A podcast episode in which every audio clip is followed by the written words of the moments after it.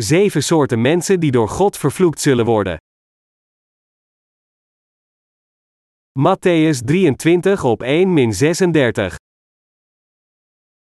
Toen sprak Jezus tot de scharren en tot zijn discipelen, zeggende: De schriftgeleerden en de fariseeën zijn gezeten op den stoel van Mozes, daarom, al wat zij u zeggen, dat gij houden zult, houd dat en doet het, maar doet niet naar hun werken, want zij zeggen het, en doen het niet.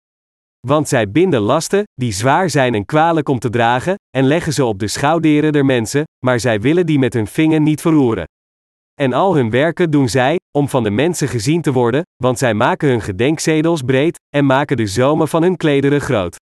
En zij beminnen de vooraanzitting in de maaltijden, en de voorgestoelten in de synagogen, ook de begroetingen op de markten, en van de mensen genaamd te worden, Rabbi, Rabbi. Doch gij zult niet Rabbi genaamd worden, want één is uw vader, namelijk Christus, en gij zijt alleen broeders. En gij zult niemand uw vader noemen op de aarde, want één is uw vader, namelijk die in de hemelen is. Nog zult gij meesters genoemd worden, want één is uw meester, namelijk Christus. Maar de meeste van u zal uw dienaar zijn. En wie zichzelf verhogen zal, die zal vernederd worden, en wie zichzelf zal vernederen, die zal verhoogd worden. Maar wee u, gij schriftgeleerden en fariseeën, gij geveinsde.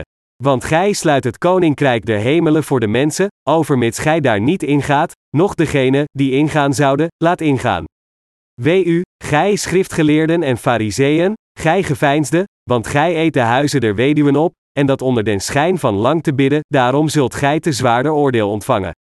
Wee u, gij schriftgeleerden en fariseeën, gij geveinsde, want gij omreist zee en land, om een jodengenoot te maken, en als hij het geworden is, zo maakt gij hem een kind ter hel, tweemaal meer dan gij zijt.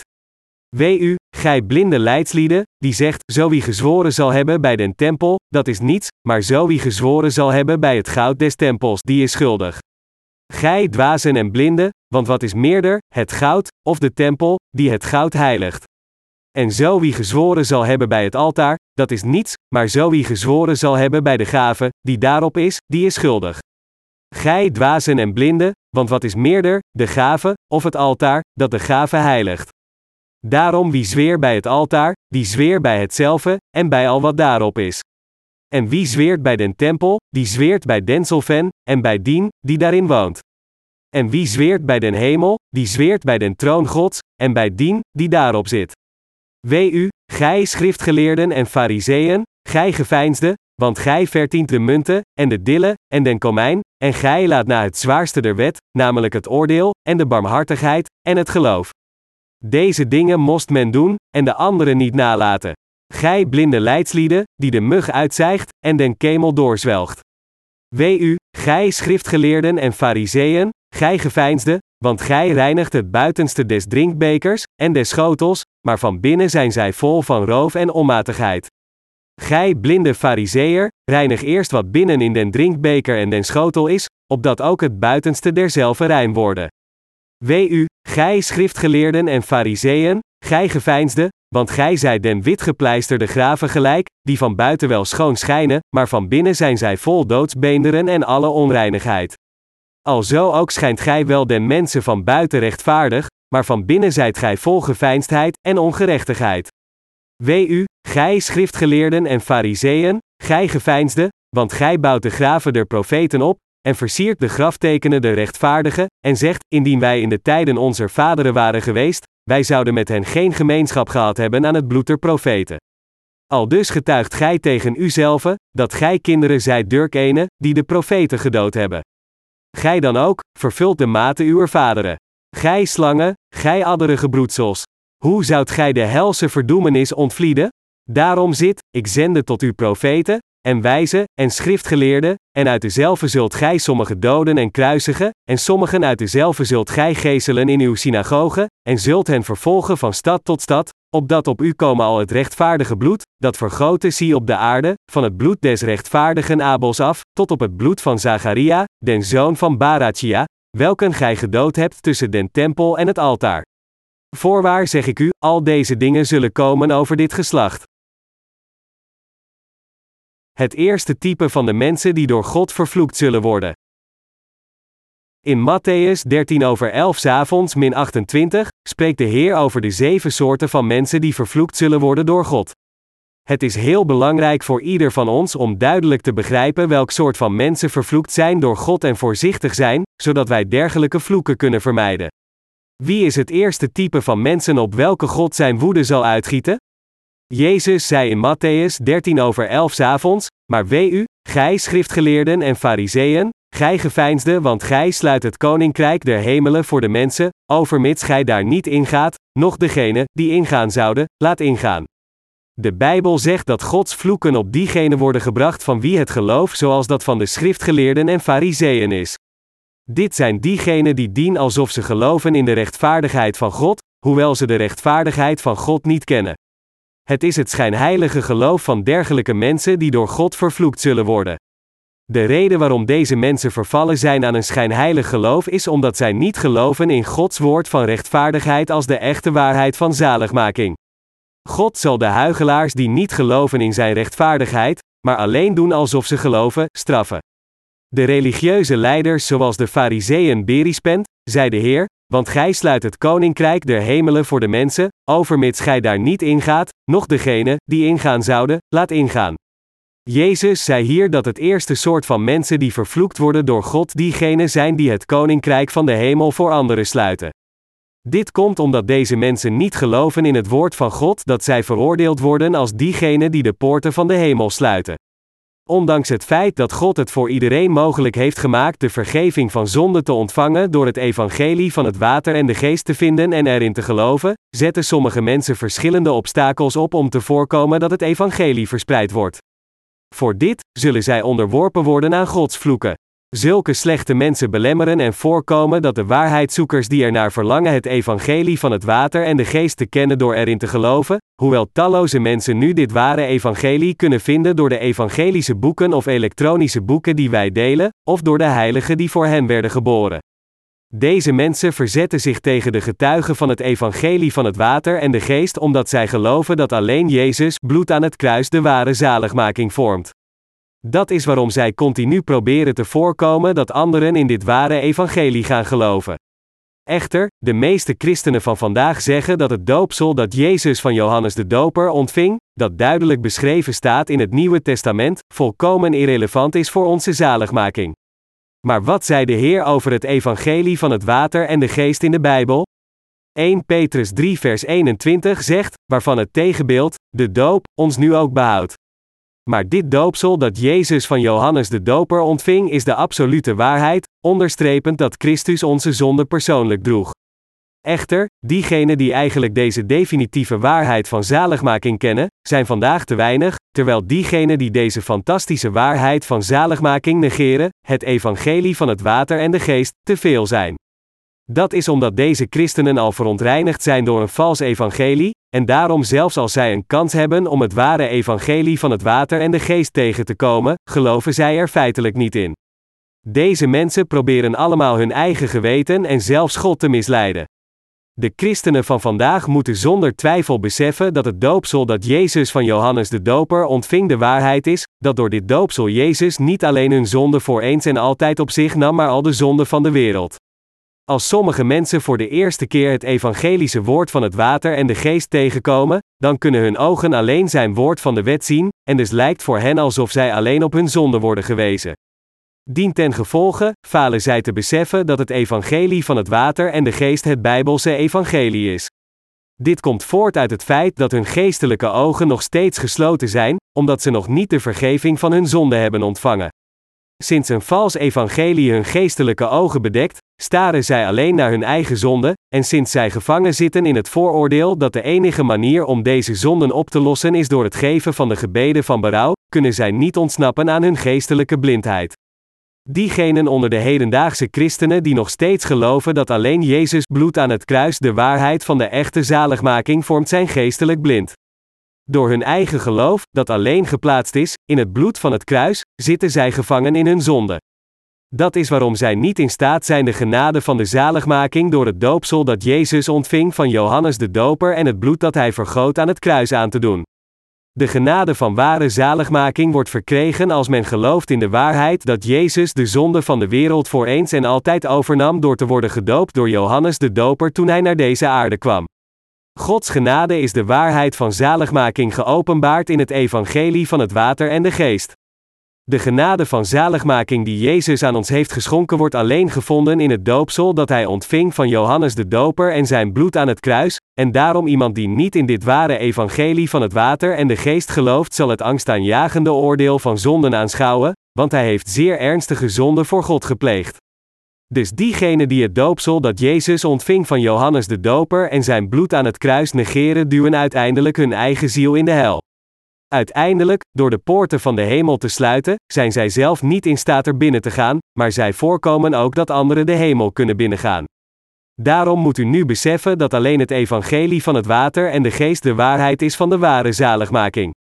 Dus diegenen die geestelijke huigelarij voor God praktiseren, zijn de eerste doelwitten van zijn woede omdat zij niet geloven in Gods evangelie, dat wil zeggen het evangelie van het water en de geest, maar in plaats daarvan geloven dat alleen het evangelie van het bloed aan het kruis het ware evangelie is, bevinden zij zich nog steeds onder de schaduw van de zonde.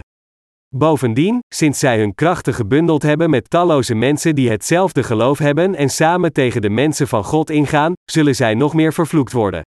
Maar ondanks dit, zeggen zij dat ze in Jezus geloven als hun verlosser. Zij zullen daarom nog sterker gestraft worden door God voor hun schijnheilige zonde. Dergelijke mensen zullen hard veroordeeld worden door God voor hun zonde, en dit zijn de mensen die geestelijk verachtelijke ketters zijn in Gods ogen.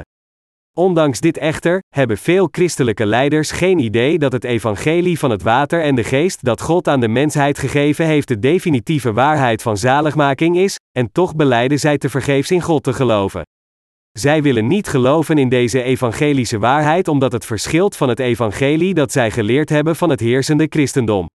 In de passage waar Jezus zegt: Men moet wedergeboren worden uit water en geest, leren zij dat het water hier naar het woord van God verwijst. Maar 1 Petrus 3 vers 20 tot 21 zegt duidelijk dat er ook een tegenbeeld van het water is dat ons nu redt het doopsel van Jezus. Zij zijn niet in staat om bevrijd te worden van al de zonden van de wereld omdat zij het doopsel dat Jezus ontving van Johannes de Doper verwierpen, ze zeggen dat het niets voor hen betekent. Het komt door dit misverstand dat zij in Gods ogen veranderd zijn in ketters. De Bijbel zegt dat het ware geloof van zaligmaking is te geloven in Jezus Christus die gekomen is door het water, het bloed en de geest. Dit is zo vanzelfsprekend. Het water, het bloed en de geest geopenbaard in de Bijbel vormen allen een waarheid van zaligmaking voortkomend uit Gods plan. 1 Johannes 5 vers 5 tot 8 zegt dat Jezus kwam door het water, het bloed en de geest, en dat deze drie één zijn. De goddelijke drie-eenheid waar wij in geloven, dat wil zeggen God de Vader, Jezus Christus en de Heilige Geest hebben zijn plan van zaligmaking in Jezus Christus vervuld door te worden gedoopt door Johannes de Doper toen hij naar deze aarde kwam, en de Zoon van God al de zonde van de wereld voor eens en altijd op zich nam. Door dus al de zonde van de wereld te schouderen door te worden gedoopt door Johannes de Doper, werd de Heer gekruisigd tot de dood, verrees weer van de dood en is daarmee de verlosser van alle zondaars geworden. Zelfs op dit moment redt hij diegenen die geloven in het evangelie van het water en de geest. De waarheid van zaligmaking die de Heer aan de mensheid heeft gegeven zit verpakt in het evangelie van het water en de geest. Dit evangelie van het water en de geest is het vreugdevolle nieuws van ware zaligmaking dat het hele menselijke ras redt van de zonde van de wereld. Het evangelie van het water en de geest is het enige evangelie van waarheid geschreven in de Bijbel. Echter, de meeste christenen van vandaag geloven alleen in Jezus bloed aan het kruis. Dat is waarom ik zo verdrietig ben. Als iemand in feite de vergeving van zijn zonde wil ontvangen, dan moet hij in beide geloven, het doopsel van Jezus en zijn bloed aan het kruis. Is het dan echt nutteloos om alleen in Jezus bloed aan het kruis te geloven? Ja, u kunt nooit de vergeving van uw zonden ontvangen door zo te geloven. Als u gered wil worden van al uw zonden, dan moet u met heel uw hart in beide geloven het doopsel dat Jezus ontving van Johannes de Doper en zijn dood van verzoening getoond aan het kruis. Christenen die dit evangelie van waarheid niet willen kennen, noch erin willen geloven, kunnen Gods oordeel niet vermijden. Dus diegenen die niet geloven in het evangelie van het water en de geest zelfs nadat ze het gehoord hebben, moeten beseffen dat zij nu rechtstreeks tegen het goddelijke evangelie van rechtvaardigheid staan. Zij plegen een ernstige zonde door niet alleen zelf het evangelie van het water en de geest af te wijzen, maar ook door te voorkomen dat anderen anders in dit ware evangelie zouden gaan geloven. God heeft geen andere keus dan dergelijke mensen te veroordelen, want Hij is de rechtvaardige God die terecht iedereen straft die zonden in zijn hart heeft. Kunt u het zich veroorloven een dergelijke persoon te zijn die veroordeeld wordt door God vanwege zijn zonde? Toen de Heer ons van al onze zonden heeft gered door het evangelie van het water en de geest, hoe kunt u dan niet geloven in dit evangelie als het ware evangelie van waarheid? Ondanks dat de christelijke leiders van vandaag ontkennen dat het evangelie van het water en de geest gegeven door de Heer de echte waarheid van zaligmaking is, als de Bijbel in beide testamenten zegt dat dit evangelie inderdaad de echte waarheid is, dan is dit de echte waarheid. Als zodanig, iedereen die nog niet gelooft in het evangelie van het water en de geest moet zich bekeren en erin geloven. De evangelische waarheid van het water en de geest is niet iets onbelangrijks dat geen relevantie heeft voor uw zaligmaking of u ervoor kiest er met uw hart in te geloven of niet. Integendeel, deze evangelische waarheid van het water en de geest is de absolute onmisbare waarheid waar iedereen in moet geloven om de zaligmaking te verkrijgen. Voor iedereen, de zaligmaking wordt alleen verkregen als hij, zij gelooft in de waarheid van het evangelie van het water en de geest. Maar ondanks dit, wijzen veel christenen dit evangelie af, zij blijven erbij dat zij gered kunnen worden door in Jezus als hun verlosser te geloven.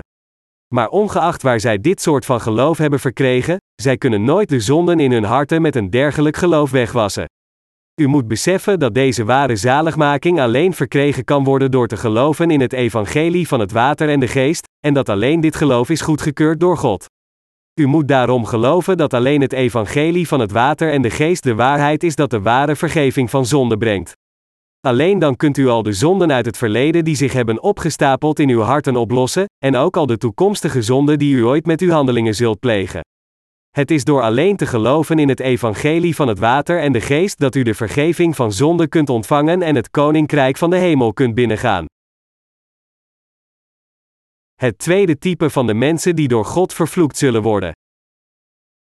Wie is het tweede type van mensen die vervloekt worden door God? Matthäus kwart over elf avonds zegt: Wee u, gij schriftgeleerden en fariseeën, gij geveinsde, want gij omreist zee en land, om een jodengenoot te maken, en als hij het geworden is, zo maakt gij hem een kind der hel, tweemaal meer dan gij zijt. De Bijbel zegt verder dat huigelaars vervloekt zullen worden door God. De Fariseeën waren geestelijke huigelaars. Ze pretenderen te geloven, maar alleen in de uiterlijke verschijning. Net zoals hen geloven de christenen van vandaag alleen in het bloed van het kruis, eerder dan te geloven in het evangelische woord van het water en de geest. Dergelijke mensen zijn allemaal geestelijke huigelaars voor God. Deze mensen zullen angstaanjagende ellende van God aanschouwen. Maar in christelijke gemeenschappen zijn het dergelijke mensen die nu voorspoed hebben, geëerd door velen in de naam van Jezus. Sommige van hen zijn zeer ijverig met hun evangelische inspanningen over heel de wereld reizend om mensen van andere geloven te bekeren tot het christendom.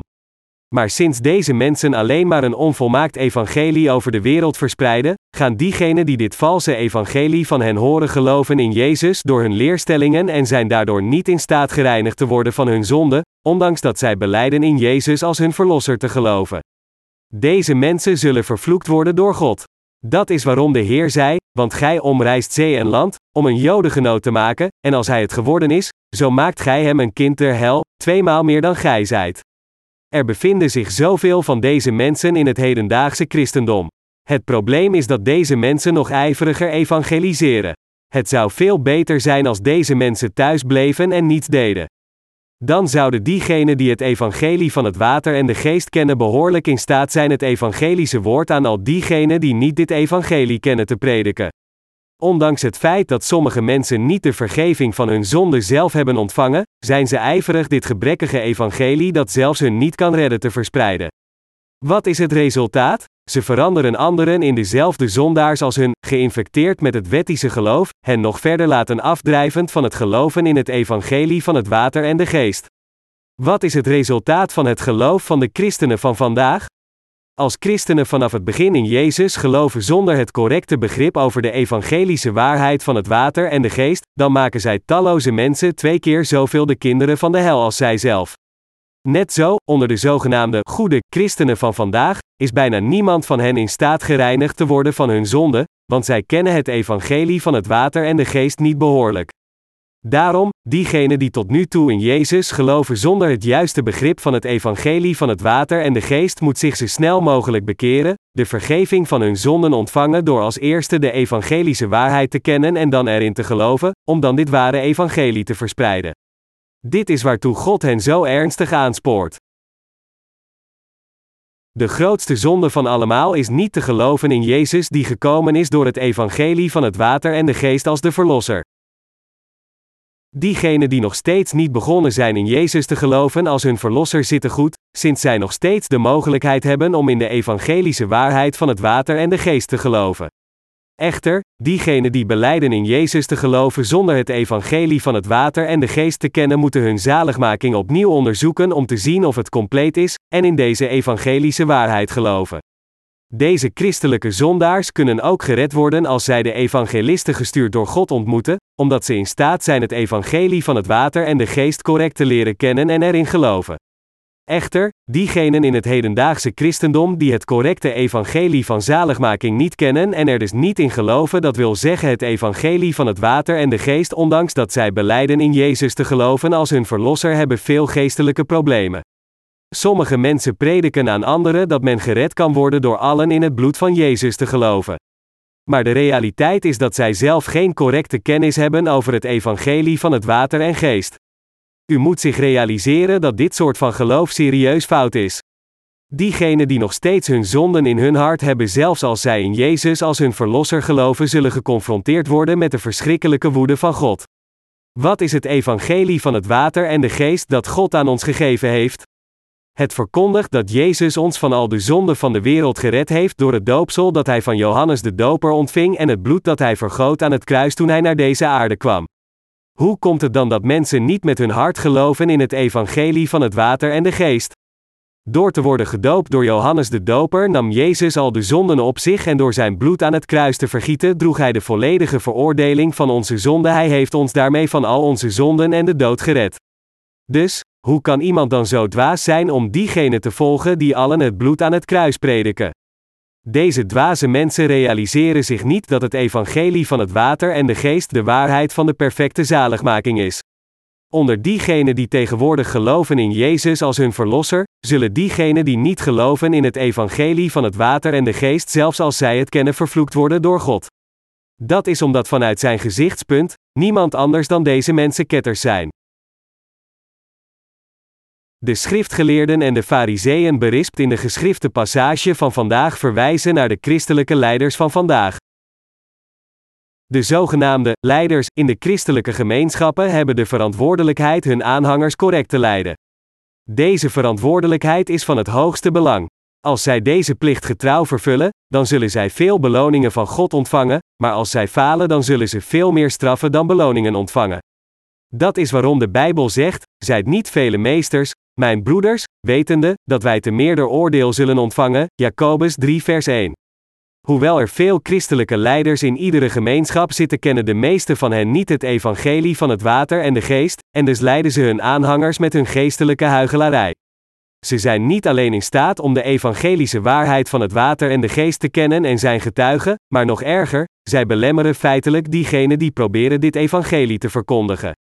Hoewel de christenen van vandaag het evangelie van het water en de geest verkeerd begrepen hebben, als zij onderwezen worden door diegenen die deze evangelische waarheid correct kennen, dan kunnen zij nog steeds het juiste geloof verkrijgen en hun zaligmaking bereiken. Als een christelijke zondaar een wedergeboren getuigen ontmoet en het woord hoort, dan kan hij zich realiseren: Oh, al die tijd ben ik onwetend geweest over het evangelie van het water en de geest en geloofde alleen in het bloed van het kruis. Ik kende alleen een half evangelie. Als deze persoon zich bekeert en gelooft in het evangelie van het water en de geest als de waarheid van zaligmaking, dan zal hij zijn perfecte zaligmaking bereiken. Echter, de zogenaamde christelijke leiders hebben niet alleen gefaald zich te realiseren dat het evangelie van het water en de geest de waarheid van zaligmaking is, maar nog erger, zij staan aan de voorhoede te belemmeren dat dit evangelie van waarheid verspreid wordt. Het probleem is dat zij opzettelijke weigeren te geloven in het evangelie van het water en de geest. Zelfs voor dit ware evangelie houden zij vast aan hun eigen trots door hun verkeerde koppigheid. In Gods ogen zijn zij niet als Jerobeam, en dus moeten zij zich van dit foutieve geloof bekeren en berouw hebben, of anders worden zij door God vervloekt. Jezus zei dat dergelijke mensen het land en de zee bereizen om een bekeerling voor zich te winnen, en als hij bekeerd is, dan maken zij van hem twee keer zoveel een zoon van de hel als zichzelf. Net zo, omdat de tegenwoordige evangelisten niet echt het evangelie van het water en de geest kennen, plegen zij dezelfde zonde die de valse profeten in het Oude Testament hadden gepleegd. Deze mensen zondigen voor God juist omdat zij niet de evangelische waarheid van het water en de geest kennen. Reizend over de wereld, als zij een gelovige bekeren, dan maken zij van hem twee keer zoveel de zoon van de hel als zichzelf. Het probleem is echter dat dergelijke mensen niet beperkt zijn tot Korea, maar over heel de wereld aanwezig zijn.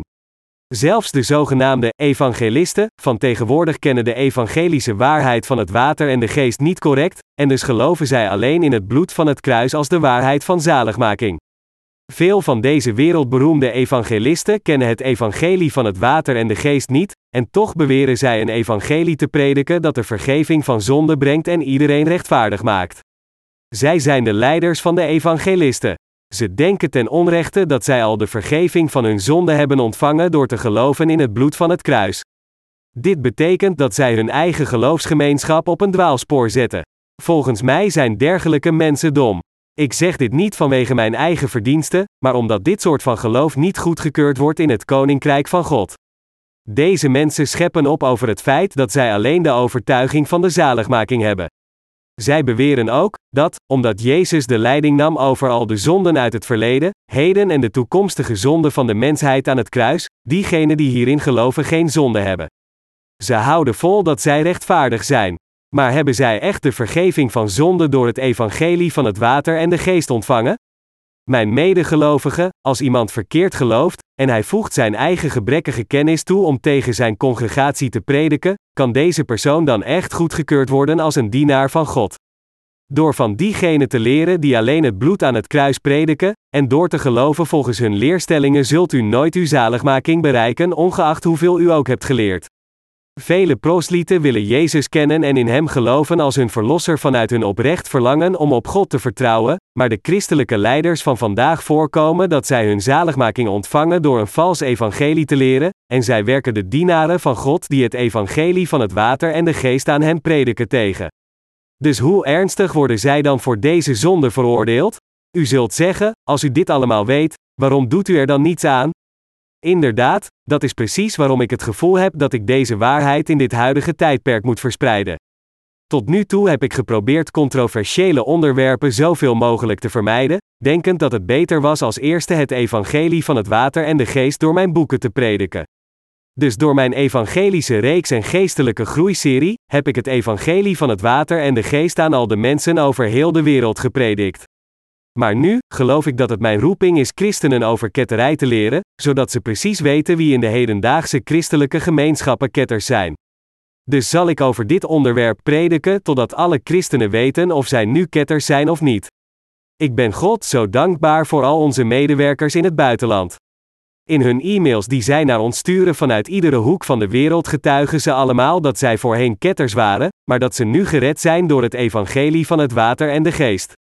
Ze zeggen dat zij zichzelf heel de tijd beschouwd hadden als goede christenen, en dus beseften zij niet dat ze in werkelijkheid ketters waren, maar door het lezen van onze boeken gingen ze de waarheid over het evangelie van het water en de geest beseffen.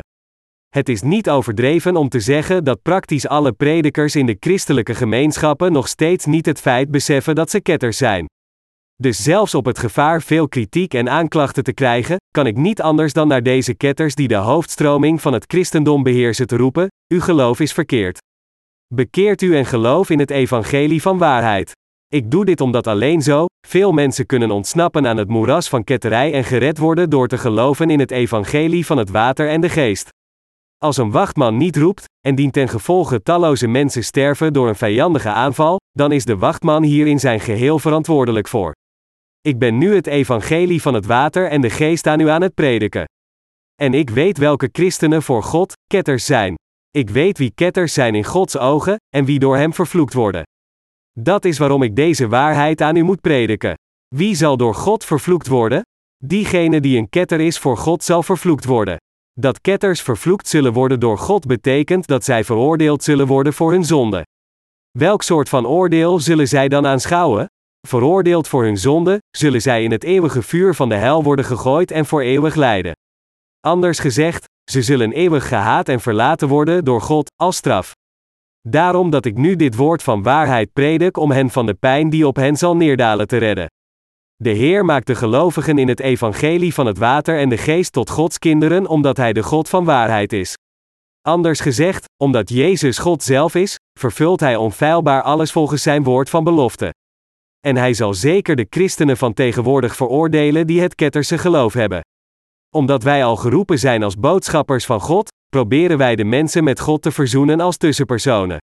Dus ik vraag u ons vanuit dit standpunt te begrijpen: het is om mensen te redden dat wij nu het evangelie van het water en de geest verspreiden en prediken over ketterij.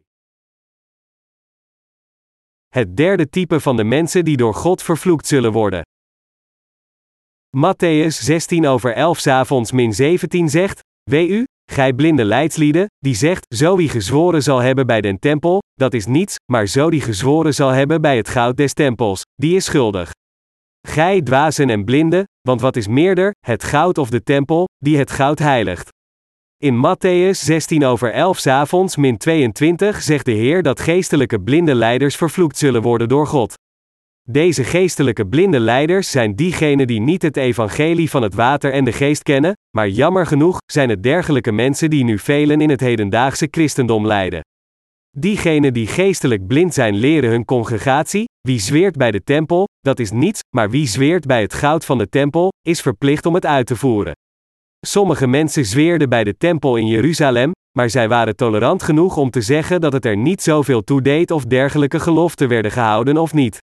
Echter, als iemand zwoer op het goud van de tempel van God, dan moest deze belofte feilloos gehouden worden. Zelfs nu denken de geestelijke blinde leiders dat een belofte van de monetaire verbintenis belangrijker is dan een belofte gemaakt in de naam van God. Dus als HU kerkleden beloven geld te offeren, dan leren ze hun dat deze belofte altijd gehouden moet worden. Dit betekent dat de blinde leiders meer nadruk leggen op financiële verbintenissen dan op elke belofte gemaakt aan God. Als een christen vandaag in de aanwezigheid van zijn pastor iets belooft en zegt: God, ik zal van nu af aan deugdzamer en toegewijd leven, dan zegt de pastor: Goed. Actie is belangrijker dan woorden van berouw. Doe uw best uw belofte te houden. Een dergelijke belofte wordt als niet consequent beschouwd, zelfs als de belofte gebroken wordt, is dat geen probleem.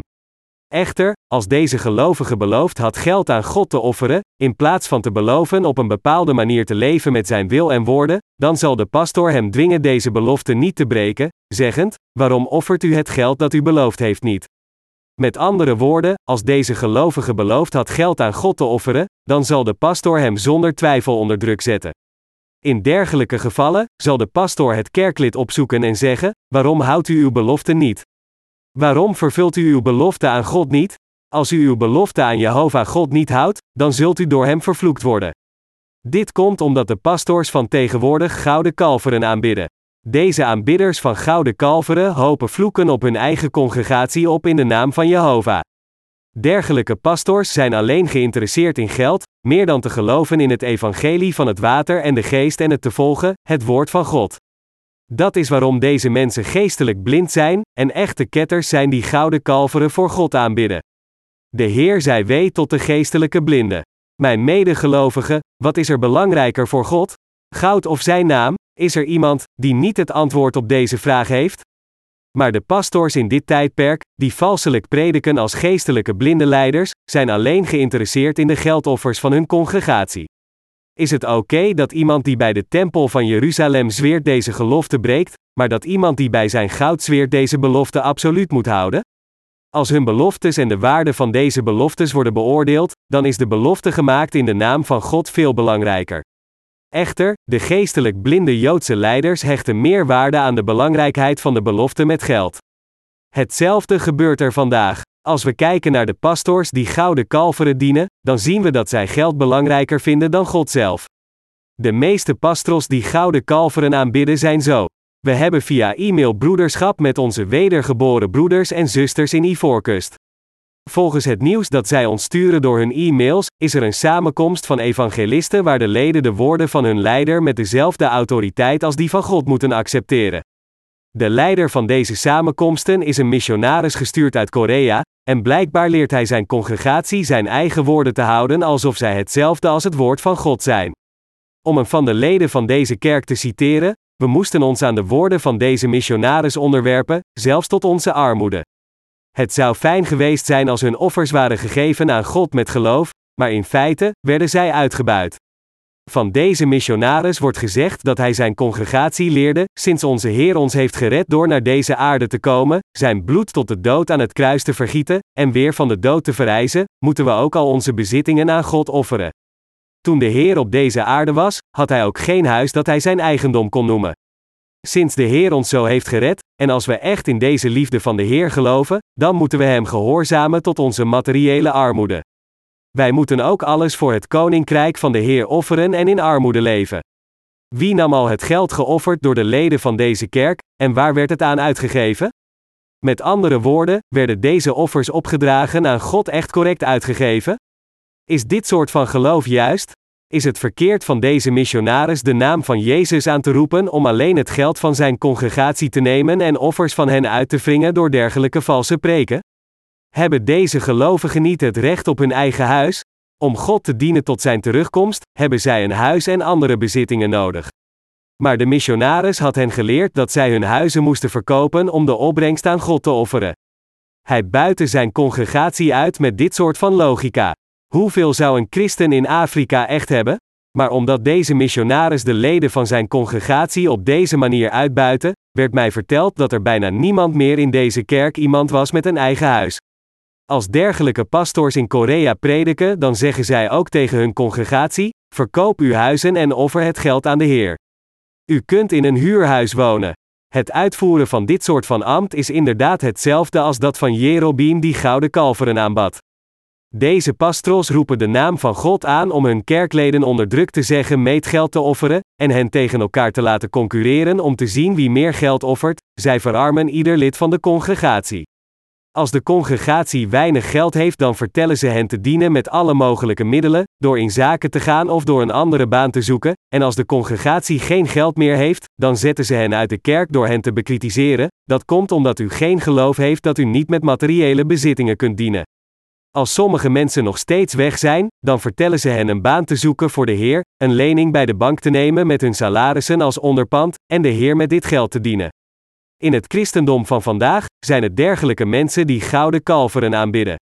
Ze zijn meer geïnteresseerd in de rijkdom van hun congregatie dan het werk van God. Zonder uitzondering zijn ze allen meer geïnteresseerd in gouden kalveren. Onder de christelijke leiders van vandaag zijn diegenen die vervloekt worden door God, diegenen die gouden kalveren als hun goden aanbidden.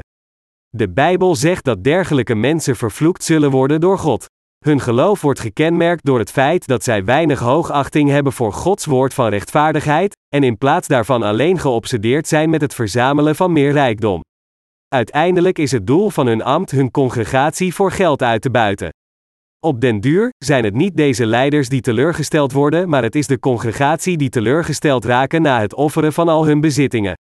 Dergelijke ambten zijn dwaze ambten. Aan wie moeten zij volgens hen het geld offeren? Ze zeggen dat het geld aan hen geofferd moet worden. Dit soort van ambt is een kettersambt. Wat zou er gebeurd zijn als hun geloof hetzelfde zou zijn als dat van ons, die nu geloven in het evangelie van het water en de geest? Diegenen die voor God hun ambt correct uitvoeren leren hun congregatie, ik wil dat u allemaal het evangelie van het water en de geest zoveel mogelijk dient.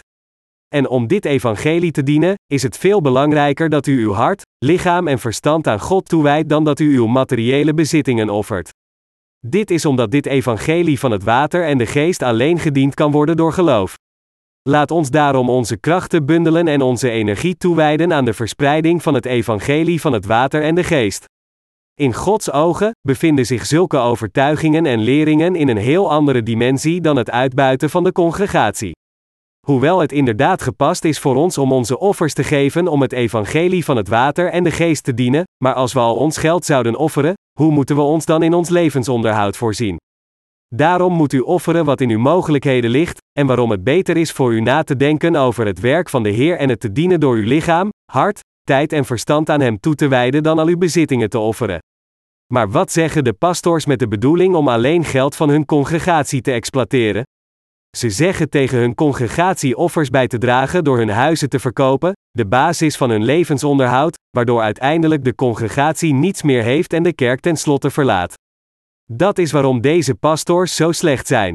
Diegenen die de congregatie zo misleiden zijn geen goede herders voor God, maar ze zijn slechte herders. Ze zijn niets meer dan stelende loontrekkers. In de kerken waar dergelijke pastors hun ambt uitvoeren, wordt iemand die het meeste geld offert het meest geëerd. In de kerken die gouden kalveren aanbidden, zijn het de rijken en diegenen die veel geld bijdragen die de beste behandeling ontvangen. Dat is waarom de Heer de schriftgeleerden en de fariseeën blinde leiders noemde. Dergelijke blinde leiders zijn alleen in goud geïnteresseerd. Hun enige interesse ligt in het geld van de congregatie. Als de ketters in de hedendaagse christelijke gemeenschappen voeren hun ambt zo uit. Ondanks dat zij verblijven in het christendom, geloven zij niet in het evangelie van het water en de geest en zijn ze alleen geïnteresseerd in geld. Hun geloof is vervuld met verwarring en huichelarij. Ze verdoezelen dit door te zeggen dat het evangelie van het water en de geest juist is, maar het is ook juist alleen te geloven in het bloed van het kruis. Ze citeren het woord van God in hun voordeel volgens verschillende omstandigheden, maar wat zij uiteindelijk van hun congregatie willen is hun geld. Het is alsof zij gek zijn op geld. Ze leggen beslag op het geld van hun congregatie door de naam van Jezus Christus aan te roepen. Uiteindelijk zijn het de gelovigen die verlaten en beroofd en zielig zijn.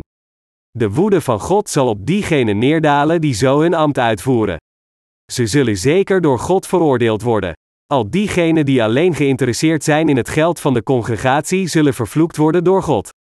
Dat komt omdat de vruchten van hun geloof niets meer dan gouden kalveren zijn. Het vierde type van de mensen die door God vervloekt zullen worden. Jezus zei: Wee u, gij schriftgeleerden en fariseeën, gij geveinsde, want gij verdient de munten, en de dille, en den komijn, en gij laat na het zwaarste der wet, namelijk het oordeel, en de barmhartigheid, en het geloof. Deze dingen moest men doen, en de andere niet nalaten. Gij blinde leidslieden, die de mug uitzijgt, en den kemel doorzwelgt, Matthäus 7 voor half twaalf s'nachts min 24. Net zoals het derde type, zijn het vierde type van mensen die vervloekt zullen worden door God de schriftgeleerden en de fariseeën die huigelarij praktiseren. Deze mensen betalen tiende van de munt, anijs en komijn, maar verwaarlozen de belangrijkste zaken van de wet, zoals gerechtigheid, genade en geloof. Dit betekent dat het vierde type van mensen diegenen zijn die een wettisch geloof hebben. Deze mensen geloven niet in het woord van God precies zoals het is. Ze leggen meer nadruk op hun eigen religieuze rituelen en de doctrines van hun eigen geloofsgemeenschap dan op het woord van God. Ze leiden ook een leven van geloof dat alleen de nadruk legt op menselijke ethiek en moraal. Het evangelie van het water en de geest afwijzend, vertrouwen ze meer op de doctrines van hun eigen geloofsgemeenschap dan Gods woord. Ze leven hun levens van geloof gemotiveerd op hoe de anderen hen waarnemen. Te geloven in het woord van God is voor hen niet zo belangrijk, wat voor hen belangrijk is, is alleen de goedkeurig van hun medegelovigen. Als we kijken naar dergelijke kerkleiders en christenen die onder hen geleerd hebben, dan kunnen we zien dat zij experts zijn in het maken van alleen hun uiterlijke verschijning als oprecht. Als iemand voor de eerste keer een kerk bijwoont, dan leren ze hem alles over tiende, dan het aanbieden van dankzegging en aalmoezen en dan de dag van de Heer trouw te houden. Dan leren ze hem een ethisch en moreel rechtvaardige christen te worden, en een deugdzaam persoon die zelfs door de mensen van de wereld wordt geprezen. Echter, de Heer zegt dat dergelijke mensen, die geen interesse hebben in de rechtvaardigheid van God, en die het christendom alleen beschouwen als een religie dat menselijke ethiek en moraal leert, vervloekt zullen worden door God. Het offeren van dergelijke dingen als tiende, anijs en munt aan God is op zich niet verkeerd.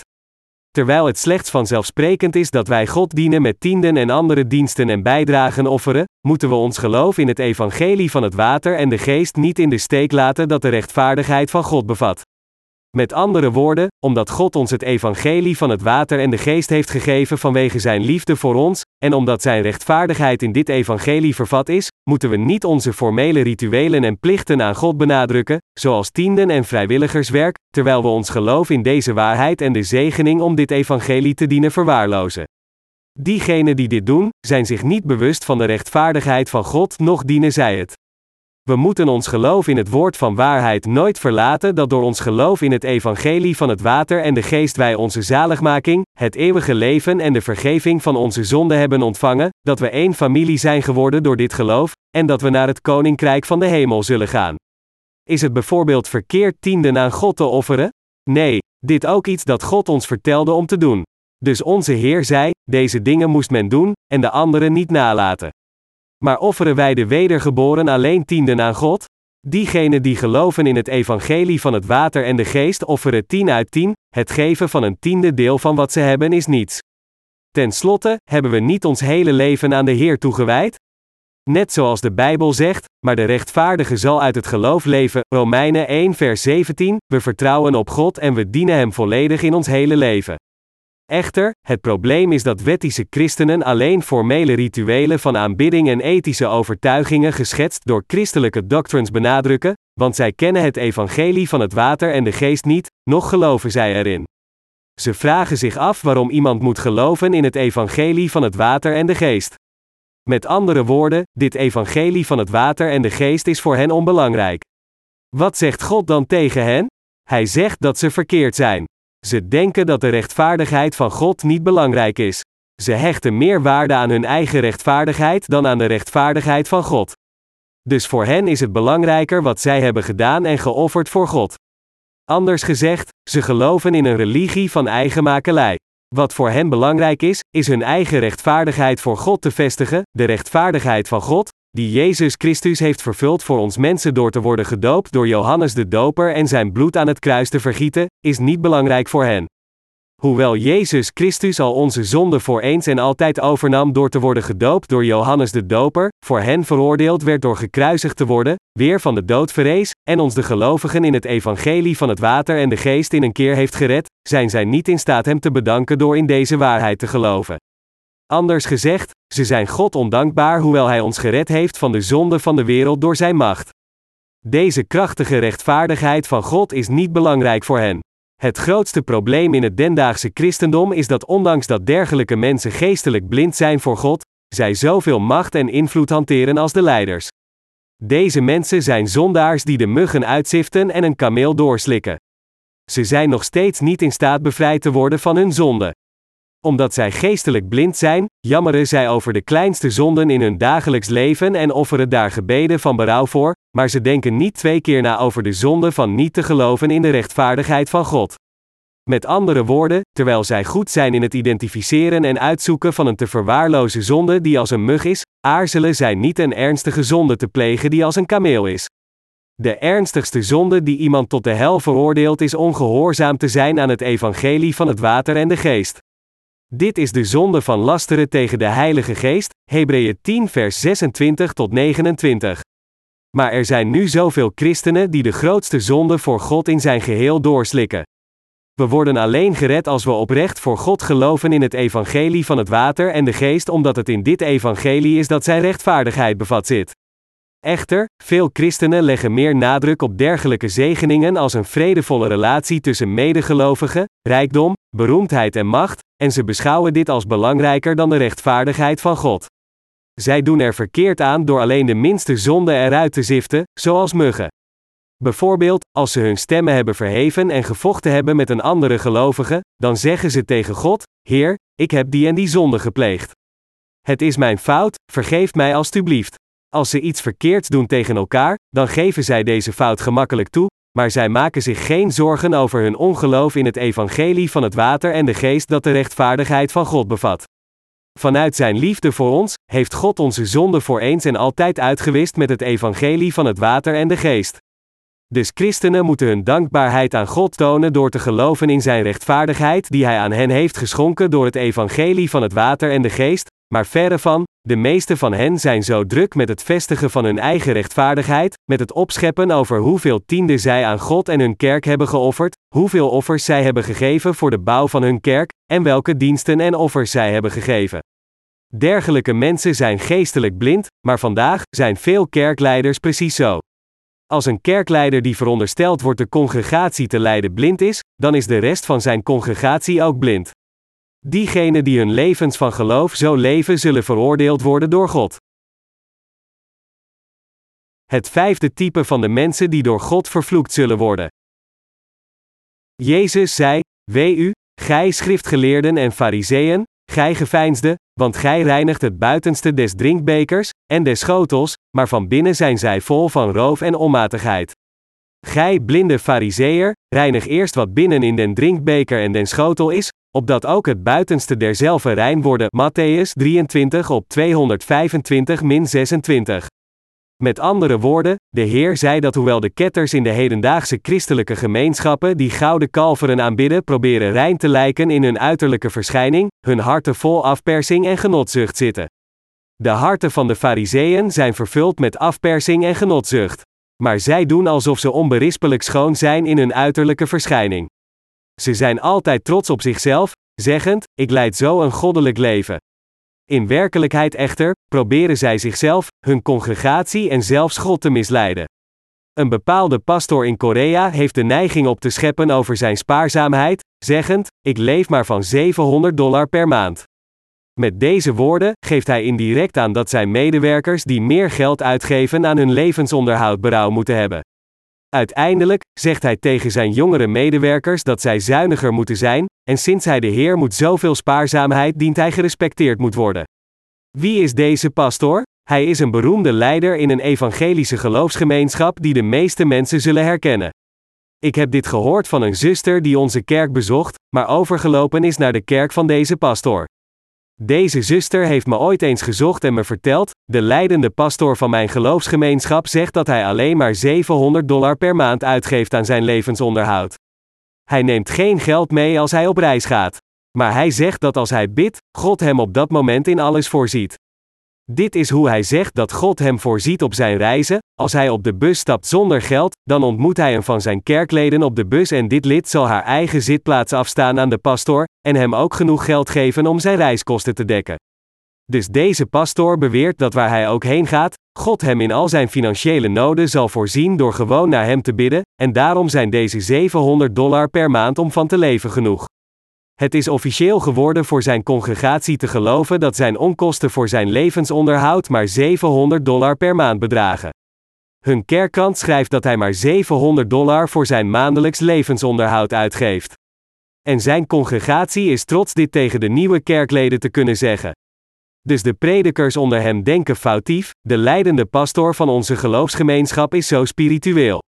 Niet alleen zijn stem en verschijning zijn spiritueel, maar zijn alledaagse leven is ook spiritueel. Hij geeft maar 700 dollar per maand uit aan zijn levensonderhoud. Hij neemt zelfs geen geld mee als hij reist. Als hij bidt, dan voorziet God hem meteen van al zijn noden. Maar werden de reisonkosten van deze pastoor niet betaald door zijn congregatie? Is het geld in zijn zak het enige dat telt, alsof het geld van de congregatie niet meetelt? Wanneer een dergelijke pastoor een van zijn aangesloten kerken bezoekt, dan betaalt deze kerk al zijn onkosten en geeft hem ook een grote toelage. Het is niets meer dan een fraude dat deze pastoor opschept dat zijn maandelijkse kosten maar 700 dollar zijn, terwijl hij in werkelijkheid het geld uitgeeft van andere mensen. Is de logica van de man niet onzinnig? Met dergelijke mensen in gedachten zei de Heer, want gij reinigt het buitenste des drinkbekers en des schotels, maar van binnen zijn ze vol van roof en onmatigheid. De pastor in het bovenstaande verhaal heeft tal van pinpassen en ook creditcards. Door gewoon te zitten, ontvangt hij minstens een miljoen dollar per maand in contanten, sinds al zijn dochterkerken elkaar proberen te overtreffen door meer en meer bijdragen naar de moederkerk te sturen.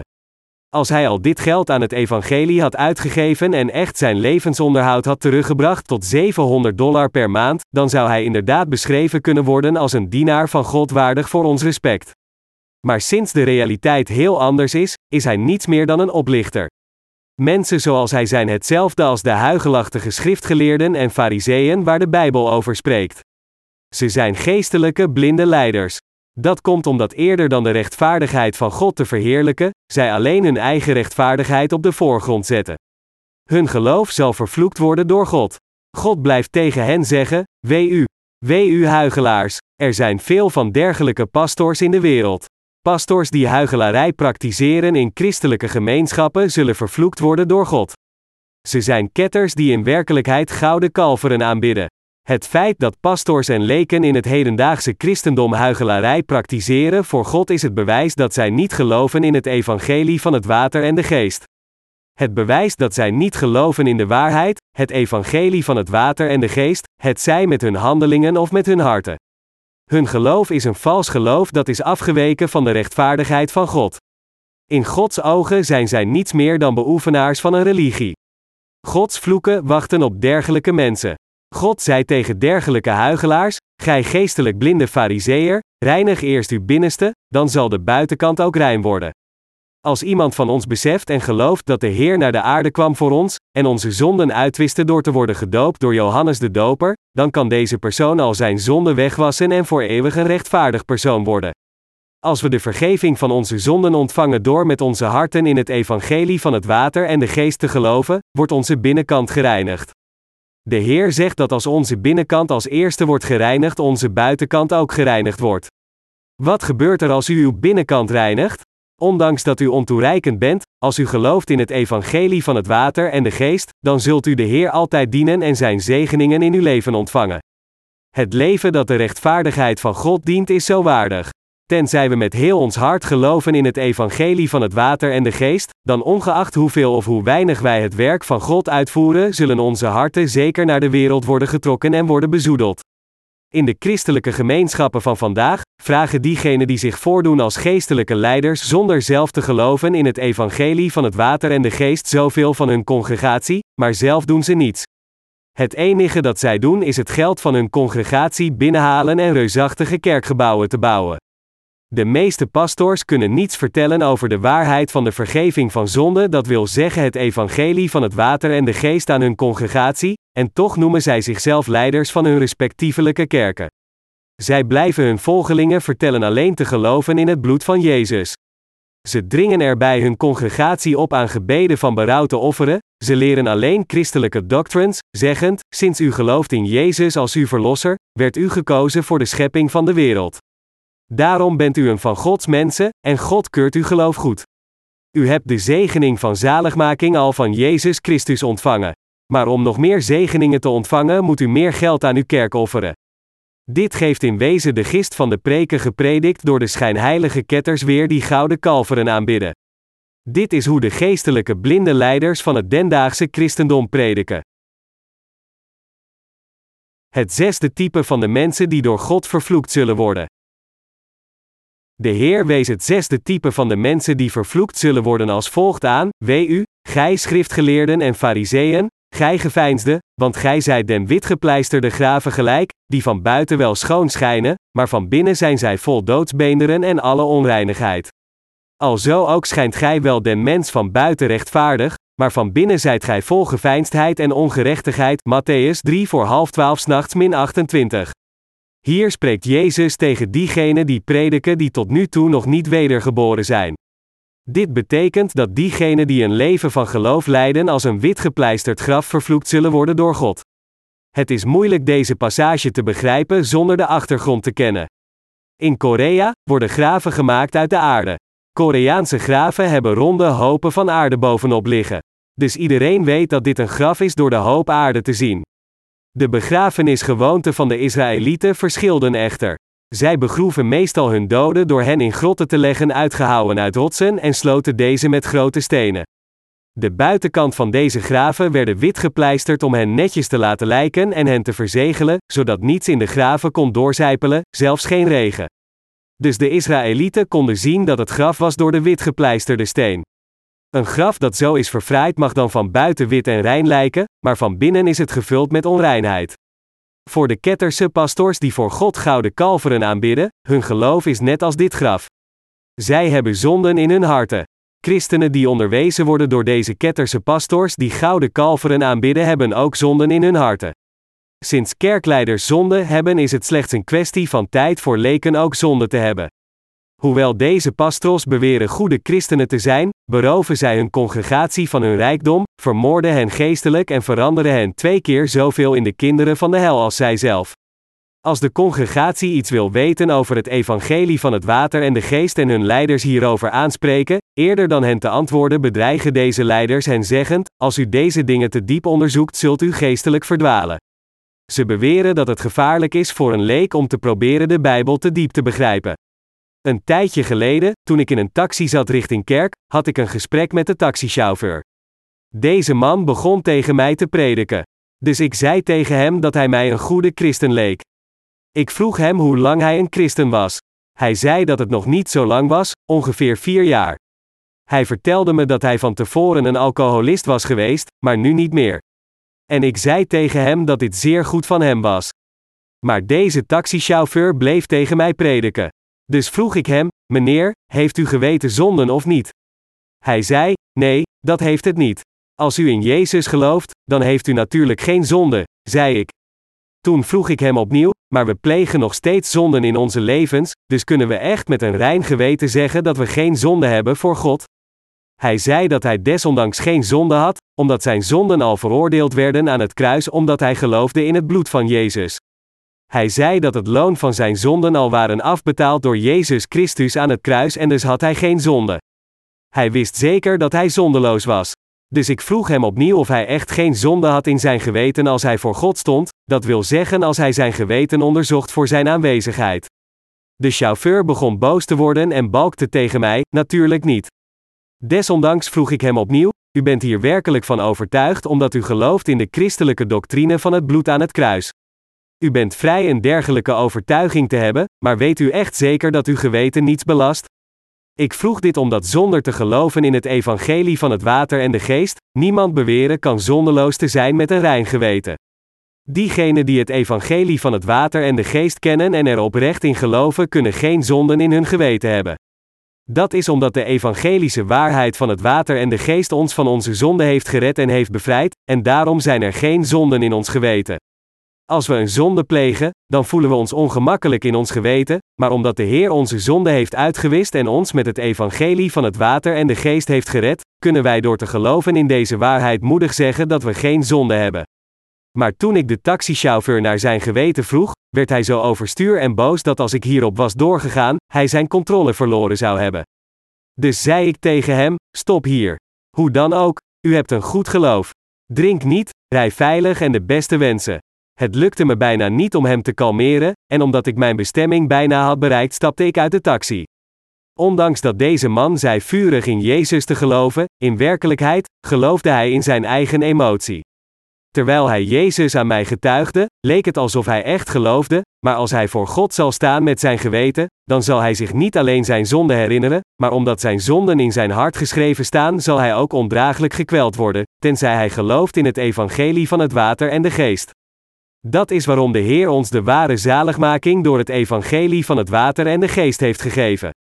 Onder de christenen levend in deze wereld, hebben diegenen die geloven dat alleen het bloed van Jezus aan het kruis hun zaligmaking vormt zonden op hun geweten. Dat is omdat zij niet de evangelische waarheid van het water en de geest hebben. Ongeacht hoe dergelijke mensen ook op scheppen revivalist predikers te zijn, dat zij stopten met drinken en roken, ze zijn nog steeds zondig. Omdat iemand stopt met drinken en roken betekent dit dan dat hij correct in Jezus gelooft?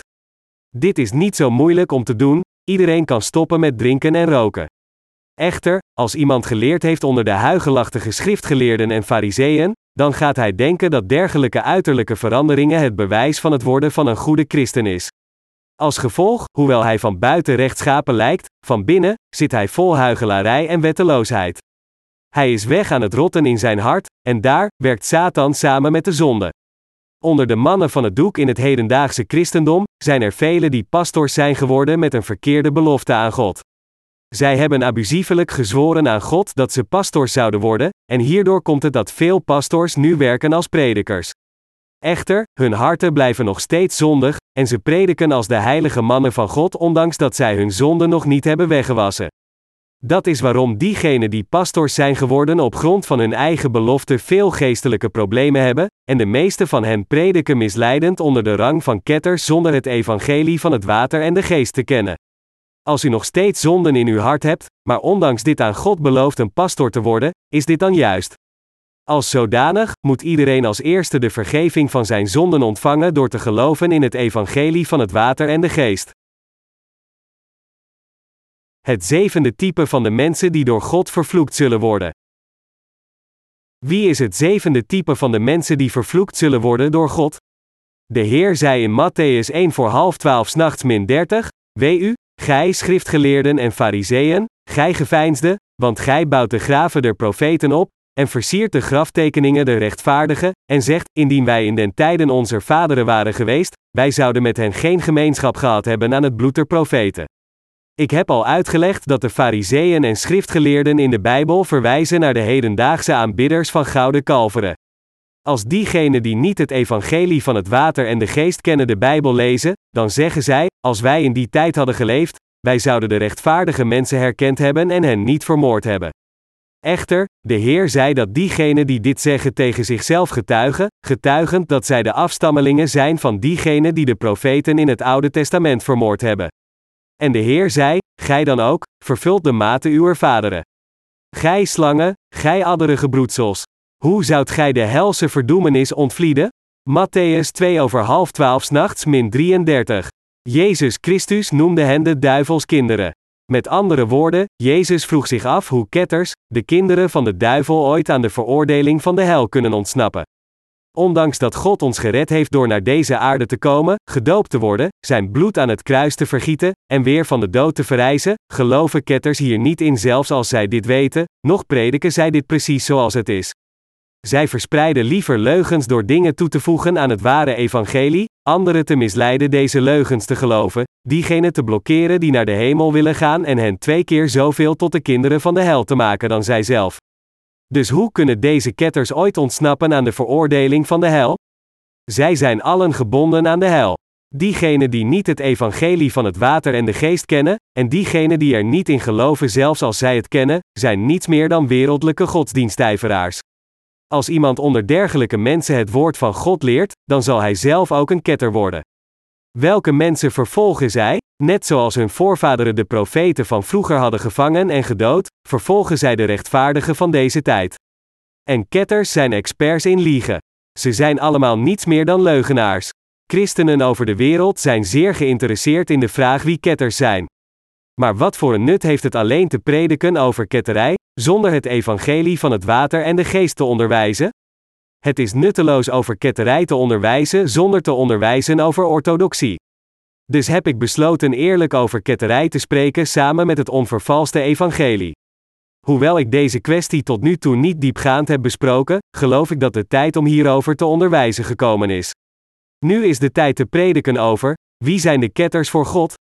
Wie zijn de werkelijke ketters in de christelijke gemeenschappen? Het zijn diegenen die zijn zoals Jerobeam. U moet begrijpen hoe tragisch en vervloekt het is dat het christendom over heel de wereld verdorven is tot een religie van deze wereld. Het feit dat de corruptie ontstond van binnenuit het christendom betekent dat het vanuit Gods oogpunt veranderd is in ketterij. Mijn medegelovigen, u moet orthodoxe gelovigen zijn voor God. U moet correct begrijpen wat het woord van God echt zegt, en u moet in dit woord geloven. Allereerst, door het evangelie van het water en de geest dat u zonde kwijtscheldt, moet u de waarheid beseffen en erin geloven dat wil zeggen, u moet weten hoeveel de Heer van ons houdt, hoe Hij zichzelf voor ons opofferde en hoe en met welke methode Hij ons van onze zonde heeft gered. Door dit evangelie van het water en de geest, moet u begrijpen en geloven dat God goede dingen voor ons heeft gedaan, en dat Hij heeft gedaan wat juist is voor ons. U moet correct in het evangelie van het water en de geest geloven. Alleen dan kunt u Gods hart blussen. Ik ben zo dol op Gods liefde van rechtvaardigheid en zijn genade dat ik niet anders kan dan het evangelie van het water en de geest te prediken, en dus ondanks mijn ontoereikendheid, zal ik mijn God gegeven talent aan de Heer toewijden en hem met al de capaciteiten en geschenken die de Heer mij gegeven heeft dienen. En ik zal dit evangelie prediken. We moeten dergelijke mensen voor God worden. Echter, in de hedendaagse christelijke gemeenschappen zijn er te veel mensen die niet zijn wedergeboren, en het zijn deze mensen die ketters zijn geworden. Deze wereld heeft te veel mensen die in Gods ogen ketters zijn geworden door in Jezus te geloven volgens hun eigen doctrines, zonder het evangelie van het water en de geest te kennen. Er zijn talloze mensen in het christendom die veranderd zijn in ketters. Maar ondanks dit, beseffen zij niet dat ze ketters zijn geworden.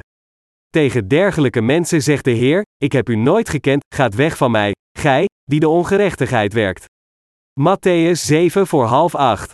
Mijn medegelovigen, de reden waarom ik deze dingen zeg en dit woord predik is om u aan te moedigen het evangelie van het water en de geest te leren kennen en ernaar terug te keren. tenzij ketters terugkeren naar Gods evangelie van het water en de geest, zullen zij vernietigd worden.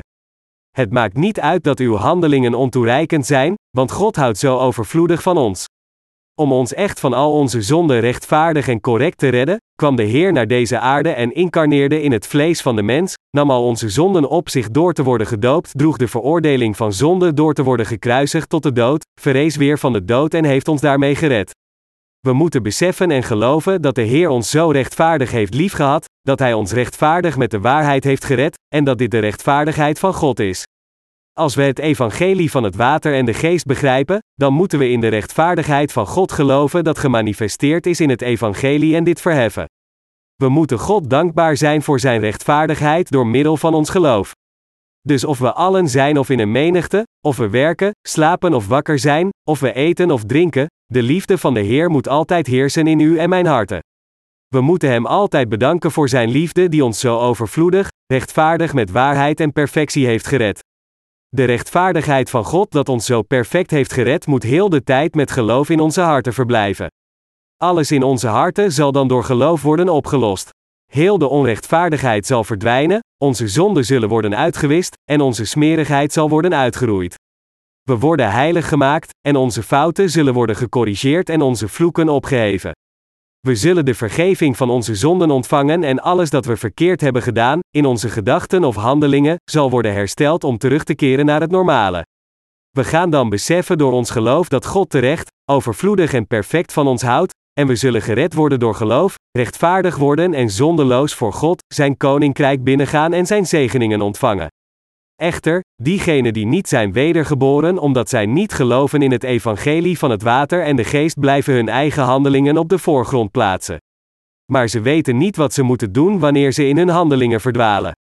Omdat ze niet in staat zijn het probleem van hun zonden op te lossen, worden zij voortdurend belaagd met geestelijke problemen, en omdat hun harten verontreinigd zijn, blijven zij de smerigheid van andere mensen zien. Sinds zij hun vuiligheid blijven uitgraven maar dit probleem niet kunnen oplossen, vallen zij in het moeras van hun zwakheden en ondergang, tegen zichzelf zeggend: Ik heb nog meer vuilheid. Zoals een varken dat in smerig water is gevallen, worstelen zij in hun vuiligheid, maar hun dagen zijn geteld en ze kunnen de hel niet vermijden. Het is onze Heer die al de vuiligheid van deze wereld heeft weggewassen met zijn waarheid, en deze waarheid is het evangelie van het water en de geest. Onze Heer heeft al onze zonden uitgewist. We moeten God daarom danken met ons geloof, beseffend en gelovend dat de Heer ons zo overvloedig, perfect en rechtvaardig van onze zonde heeft gered, en dat Hij ons tot Zijn kinderen heeft gemaakt, dit alles door het evangelie van het water en de geest. We moeten Gods liefde beantwoorden door in het evangelie van het water en de geest te geloven. Hoewel onze broeders en zusters, onze medewerkers en ikzelf zo ontoereikend zijn en veel tekortkomingen hebben, heeft God ieder van ons van al onze zonden gered. We moeten Hem voor dit bedanken.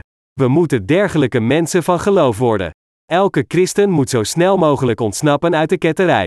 Iedere keer als ik Gods woord tegenkom en het zo predik, ben ik zeer dankbaar voor Zijn perfecte liefde en Zijn perfecte genade van zaligmaking. Soms is het voor mij te moeilijk om door te gaan met mijn werk, overweldigd door de last en mijn zwakker wordend lichaam. Onze medewerkers raken ook uitgeput. Dus om Gods werk uit te voeren, probeer ik onze taken te systematiseren. Als we systematisch werken, kunnen we efficiënter werken en de vooruitgang van ons werk voorspellen. Ieder van ons kan dit proberen en zelf rondrennen, maar hier bereiken we niets mee. Wij leiden nu enkele bedrijven om missiefondsen te verkrijgen. Bijvoorbeeld, enkele predikers en werkers hebben naaimachines in een kleine fabriek staan, en hoewel dit een van onze bedrijven is die wij op dit moment uitbaten onder de heersende beperkingen, zullen we in de toekomst de fabriek uitbreiden en systematischer uitbaten voor een grootschalige productie omdat ik nu dergelijke bedrijfstaken uitvoer, raak ik soms zo verdiept in mijn werk dat ik zelfs niet weet welke dag het is, of het dinsdag of woensdag is. Ik ben tegenwoordig zo druk bezig dat toen ik vanochtend wakker werd in ons leerling trainingscentrum in Inje, ik dacht dat ik thuis was. Zo druk heb ik het tegenwoordig. Ondanks dat ik zo gedachteloos druk bezig ben, wat nooit verandert, wat nooit uit mijn hart verdwijnt, wat ik in mijn hart moet herinneren en wat onvergankelijk is, is het feit dat God mij perfect heeft gered door het evangelie van het water en de geest.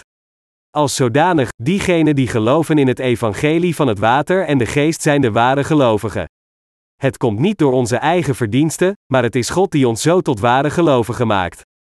Dat is waarom ik God zo dankbaar ben. Ik hoop en bid dat alle christenen nu ontsnappen uit het ketterse geloof en in staat zullen zijn God oprecht te bedanken. Ik bid dat al diegenen die God willen aanbidden Hem bedanken in de Heilige Geest en in de waarheid. Ik geef heel mijn dankbaarheid aan onze Heer. Ik wacht dat iedereen op deze planeet terugkeert naar het evangelie van het water en de geest. Diegenen die dienaren van de Heer zijn geworden, moedigen u aan in Jezus Christus. Amen.